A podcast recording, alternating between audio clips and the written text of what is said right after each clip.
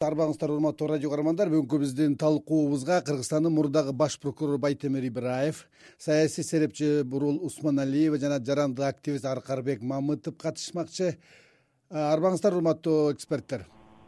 Бизди жакшы угуп атасыздар арбаңыздар рахмат. саламатсыздарбы? Мен э, жарандык активист катары аркарбек мырзадан сөздү баштасам деп турам. Э, сиз айтсаңыз мына президенттин дарегине сын айткан жарандарды күч органдарына чакырып сурак алып кечирим суратуу фактылары болуп жатканы жазылууда айтылып жатат. Бул көрүнүш э, жарандык коомго кандай таасир берди деп ойлойсуз сизчи мамлекеттик органдардын бул аракеттери жарандарды бир тартипке салганга бир жардам бердиби? Деги эле бийликти сындагандар азайдыбы же башка көрүнүш болуп саламатсыздарбы урматтуу угармандар. Э, ооба соңку убакта э, президентке сын айткандар өзгөчө бул пандемия убагындагы э, сын айткандар көп болуп кеткенин биз дагы угуп билип турабыз. Негизи туура сын айтылыш керек бирок сын деген э, конструктивдүү болуш керек деп эсептейм мен. Кээ бир убакта биздин э, жарандар кээ бир адамдар ушул э, баягы жеке абройго чейин кирип сын айткандар болуп кетет да. Бул албетте мыйзам алдында баарыбыз бирдейбиз да. Президент болобу карапайым адам болобу баардык адамдын жеке аброю аброю баардыгынан бийик туруш керек да. Андай убакта сөзсүз бул кайсы гана жаран болбосун анын э, укугун анын эл арасындагы аброюн э, корголуш керек. Эгерде иш боюнча сын айтыла турган болсо муну эгерде мындай конструктивдүү мындай бир так маалымат менен сын айтылган болсо муну бийликтин кайсы гана тармагы болбосун муну туура кабыл алып ошондон бир жыйынтык чыгарып жакшы бир жакка нукка ишти бурса туура эле болот го деп эсептейм да анан соңку убакта президенттин атына сын айтып аны укук коргоо органдары бул чакырып кечирим суратуу бул эми кайсы сынга кандай айтылганы менен так маалыматым жок экен. Бирок негизинен айтарым бул түшүндүрүү иштерин жүргүзсө болот го деп ойлойм. Мындай менин жеке жарандык активист катары. Бирок кысымга алып сөз эркиндигине кысымга алганга болбойт деп эсептейм. Анткени биз эми кыргызстан бул орто азиядагы э, демократиянын аралчасы деп аталып калдык. Бул албетте бул э, укук коргоо органдарынын бул жарандык жарандарга бул сын айткан жарандарга кылган мамилесинен улам бул сөз эркиндиги басмырланып кетет деген ойдон алысмын биз анткени биз бул эркин сөз эркиндигинин эркиндиги боюнча биз алдыга чыгып жарандардын баардыгы ошол сөз эркиндигин туюп сезип ар ким өз оюн эркин айтып көнүп алды. Бул эми артка э, кайтпайт го деп оюм бар да. Рахмат э, бурулайм э, кыргызстандын президенти милиция сындаган активисттерди суракка чакырып жатканы бул алардын иши милдети катары эсептеэрин айтты. Сиз айтсаңыз ушул эле көрүнүштү жарандык коом сөз эркиндигине болгон басым кысым катары кабыл алып атат да. Деги эле ушул көрүнүштөрдө укук коргоо органдары өз ыйгарым укуктарынан чегинен чыккан жокпу деген дагы суроолор жаралып атпайбы? Сиздин пикир кандай? Ооба. Ал э, президент э, ошо жалпы жалпы айтып атты. Менин ага менен ишим жок бирок э, алар ошо институттар өзүнүн ишин кылып атат дегендейчи. Анан сөз эркиндигинин э, туура эмес айтканды менин оюмча милиция эмес э, тиги прокуратуранын полномочиясына кирет болуш керек эле. Анан э, жалпы эле айтып кетсек жалпы эле айтып кетсек чын эле жоопкерчиликтүү эркиндик болуш керек. Анткени жарандардын ошо айтуу укугу протестный настроенияны айтуу укугу конституцияда бекитилген. Эң негизги биздин абадай болгон керек эркиндигибиз анан аны колдонуу биздин түзмө түз укугубуз биз аны колдонушубуз керек. Менин оюмча ошо нааразы болгонубузда митинг түрүндөбү пост түрүндөбү кандай видео түрүндө деле ошо айтып нааразычылыгыбызды айтканга толук укугубуз бар. Бирок жана жарандык активист э, айткандай э, жекеге өтпөш керек да ошол жагы чеги ошол.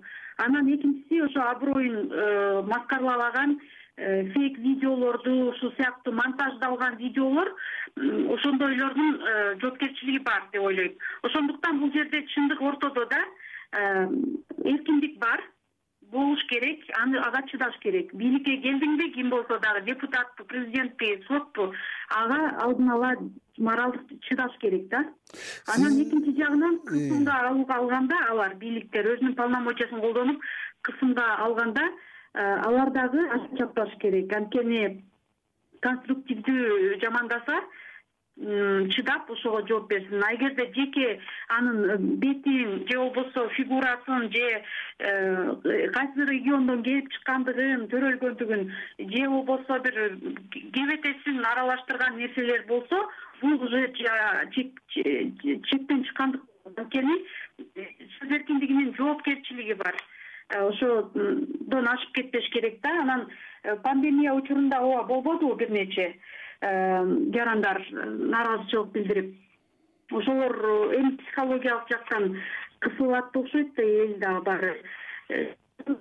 Кез болду. Бирок э, аппарат иштеп атат да ал үчүн бийлик үчүн. Өзүнүн ишин кылып механизмдер аткарылып атат. Бийликтер дагы аша чаппаш керек.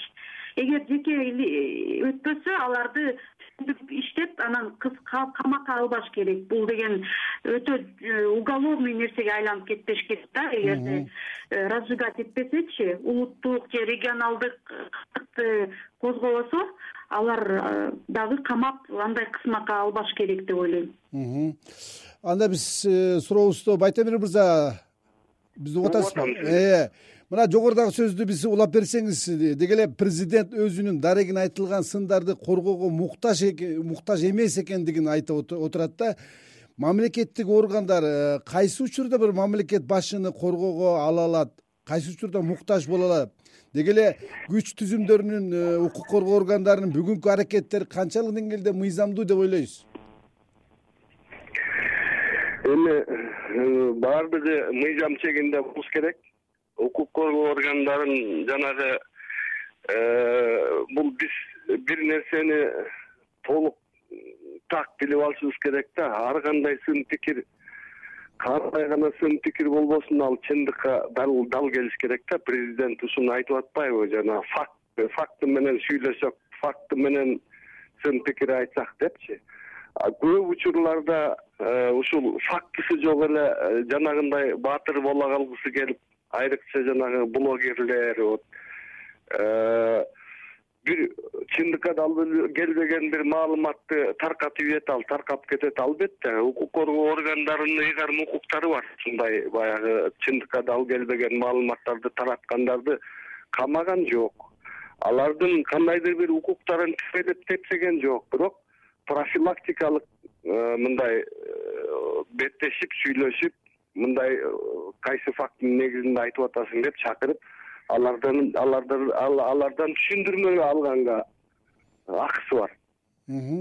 Ал эми э, президент жанагындай мен андай коргоого муктаж эмесмин деген себеби э, конституцияларга өзгөрүү киргизип атабыз. Мурун атаевдин мезгилинде билесиздер баягы прокуратурага бул жүктөлгөн президенттин аброюн мындай өзү коргоого алган. Кийинчерээк президент ошол кайрылмайынча алар э, президент кат жүзүндө кайрылмайынча алар эч качан буга аралашпай турган болуп калышкан да менин маалыматым боюнча ошол ошондой таризде турат.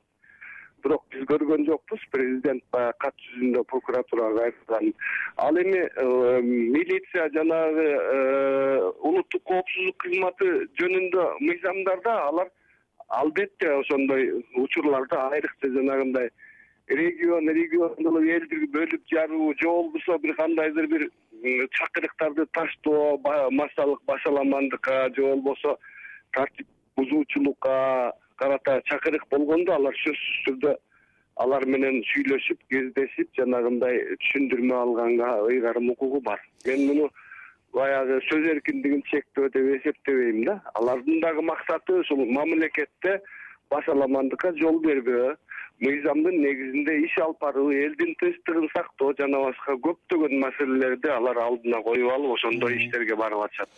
Э, байтемир мырза ошол э, жарандардын э, жанагындай сын айткан жарандарды улуттук коопсуздук кызматына милицияга чакырып алардын кечирим суратып кечирим сураган видеолорун кайрадан социалдык тармактарга жайылтканы ушу мыйзамдуу деп эсептесек болобу эми мен өзүм ошолорду көрүп отуруп баягы менин эми бул жеке менин оюм. Мисалы мен кандайдыр бир маалымат таратсам мени бир эмес э, жүз жолу органдар чакырып алып өзүм ушундай кечирим сурат десем мен эгер мен тараткан маалымат чындыкка дал келсе мен эч качан аларга макул болбойт болчумун алар ошондой э, баягы өзүлөрүнүн жанагындай эрки менен ушундайга барып аткандан кийин мен жеке оюм боюнча алар баягы кетирген кемчилигин сезип эске алып ошондойго барып атабы дейм да. Эгерде туруктуу позициясы бар чындык үчүн чыркырап күрөшкөн патриот адамды менин оюмча эч кандай жол менен жанагындай кечирим суратып эл алдында мен уят болдум деп айтууга мүмкүн эмес деп ойлойм да ал ал эми мыйзам менен ал каралган эмес. Бирок кел мына сен айткан маалымат ушундай болуп калды чындыкка туура келбейт турбайбы? Сен кечирим сура. Болбосо башкача болот деп да коюшу мүмкүн эми. Ал жерде ошол жерде карап турбагандан кийин айтыш кыйын бирок ошол кечирим сурап аткан жаран өзү тараткан маалымат чындыкка дал келсе ал эмне үчүн андай пасттыкка барып кечирим сураш керек демек ал тараткан маалымат чынында эле чындыкка келбесе керек деп мен ошондой жыйынтыкка келип атам да.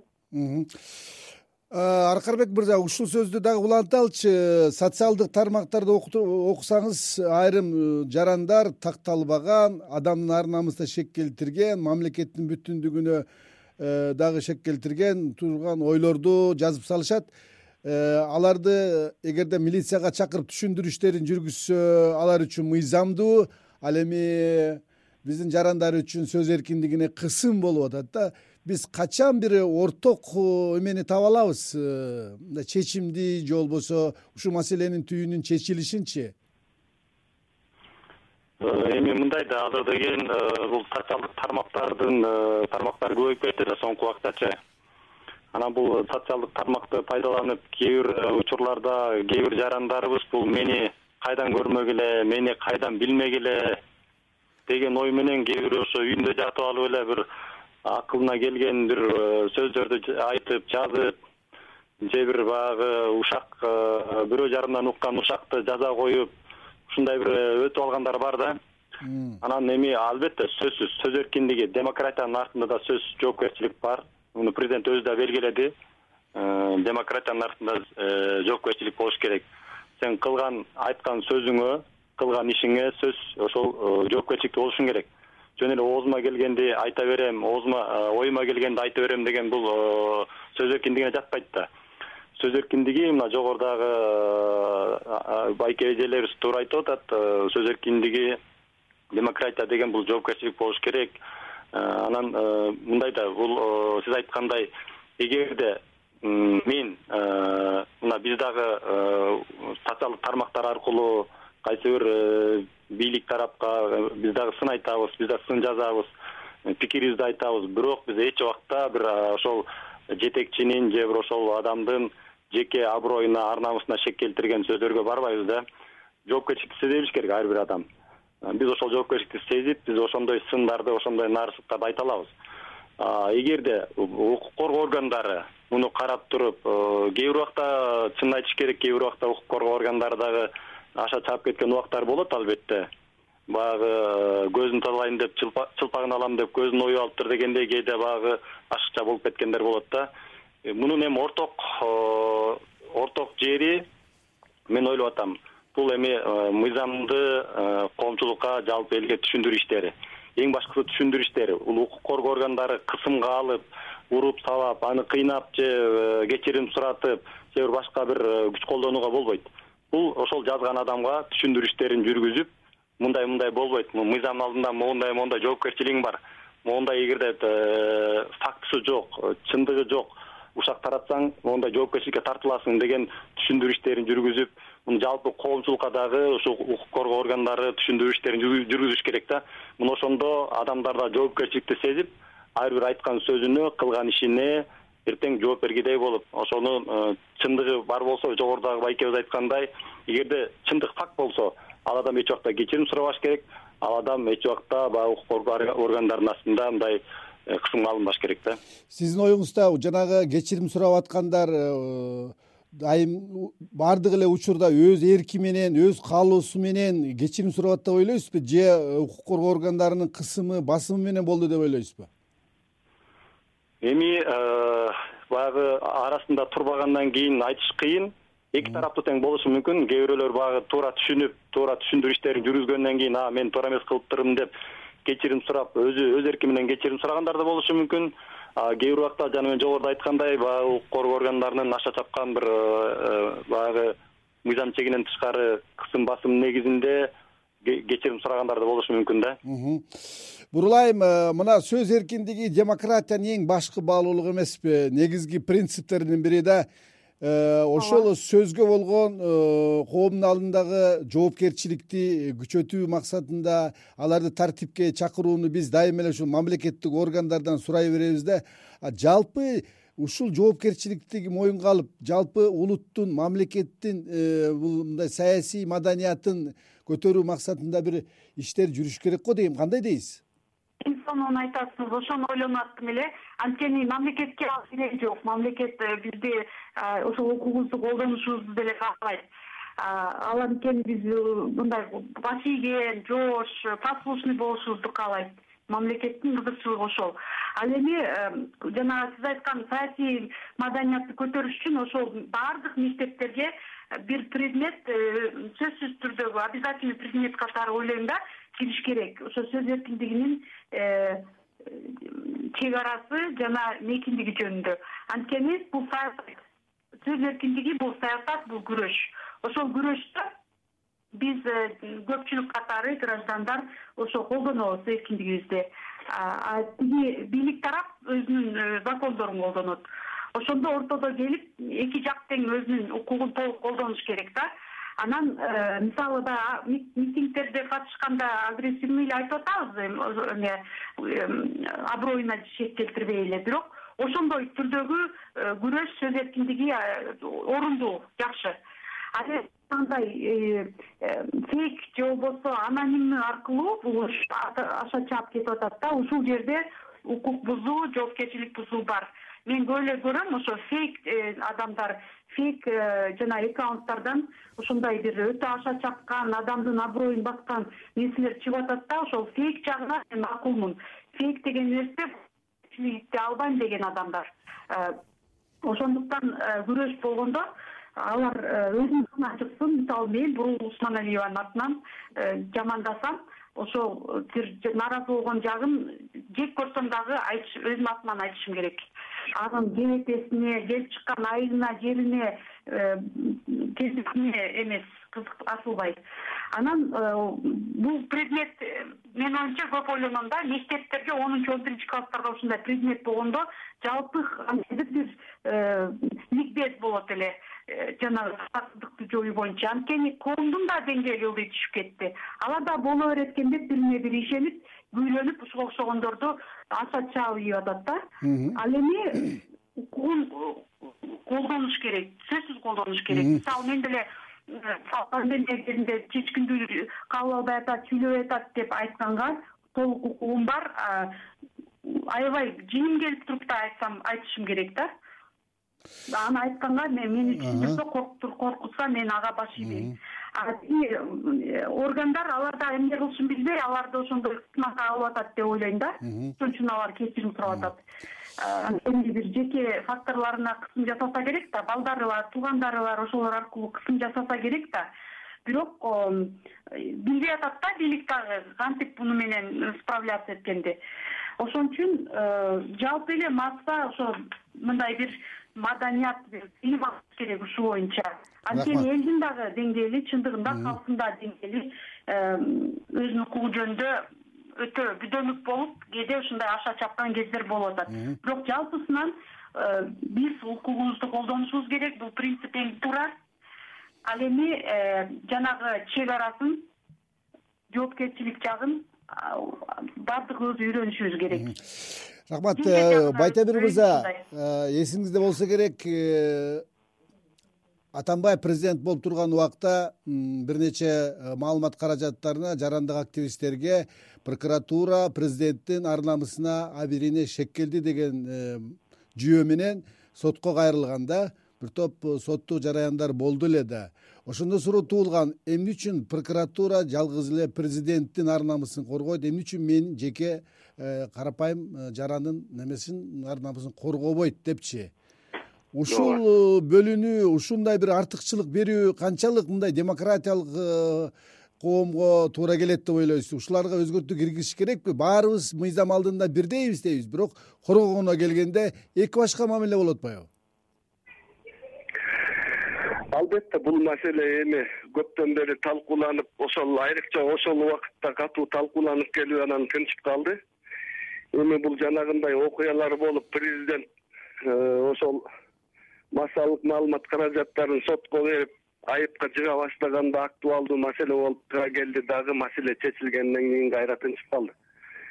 Эми мамлекет башчы деген бул биздин кыргыз элинин башчысы деген ойдо э, жанагы мамлекеттик символикалык символикалар дагы коргоого жатат деп эми биздин мыйзам чыгаруучулар ушундай мыйзам кабыл алган да.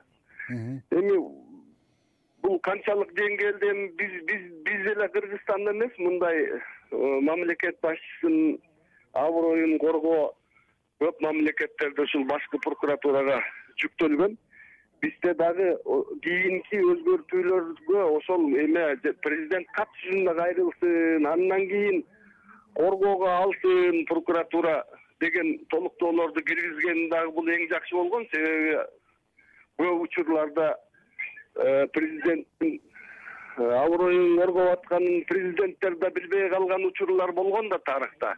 Ал кишиге билгизбей эле прокуратура өзү чакырып жанагындай аброюна шек келтирдиң деп э, сотко берилген учурлар дагы тарыхта болуп келген. Ошол себептен президент кат жүзүндө кайрылсын ошол кат жүзүндө кайрылып атканда ал мен кайрылдым деп өзүнө дагы кандайдыр бир саясий жоопкерчиликти алсын деген максат ушундай толуктоолор толуктоолор кирген.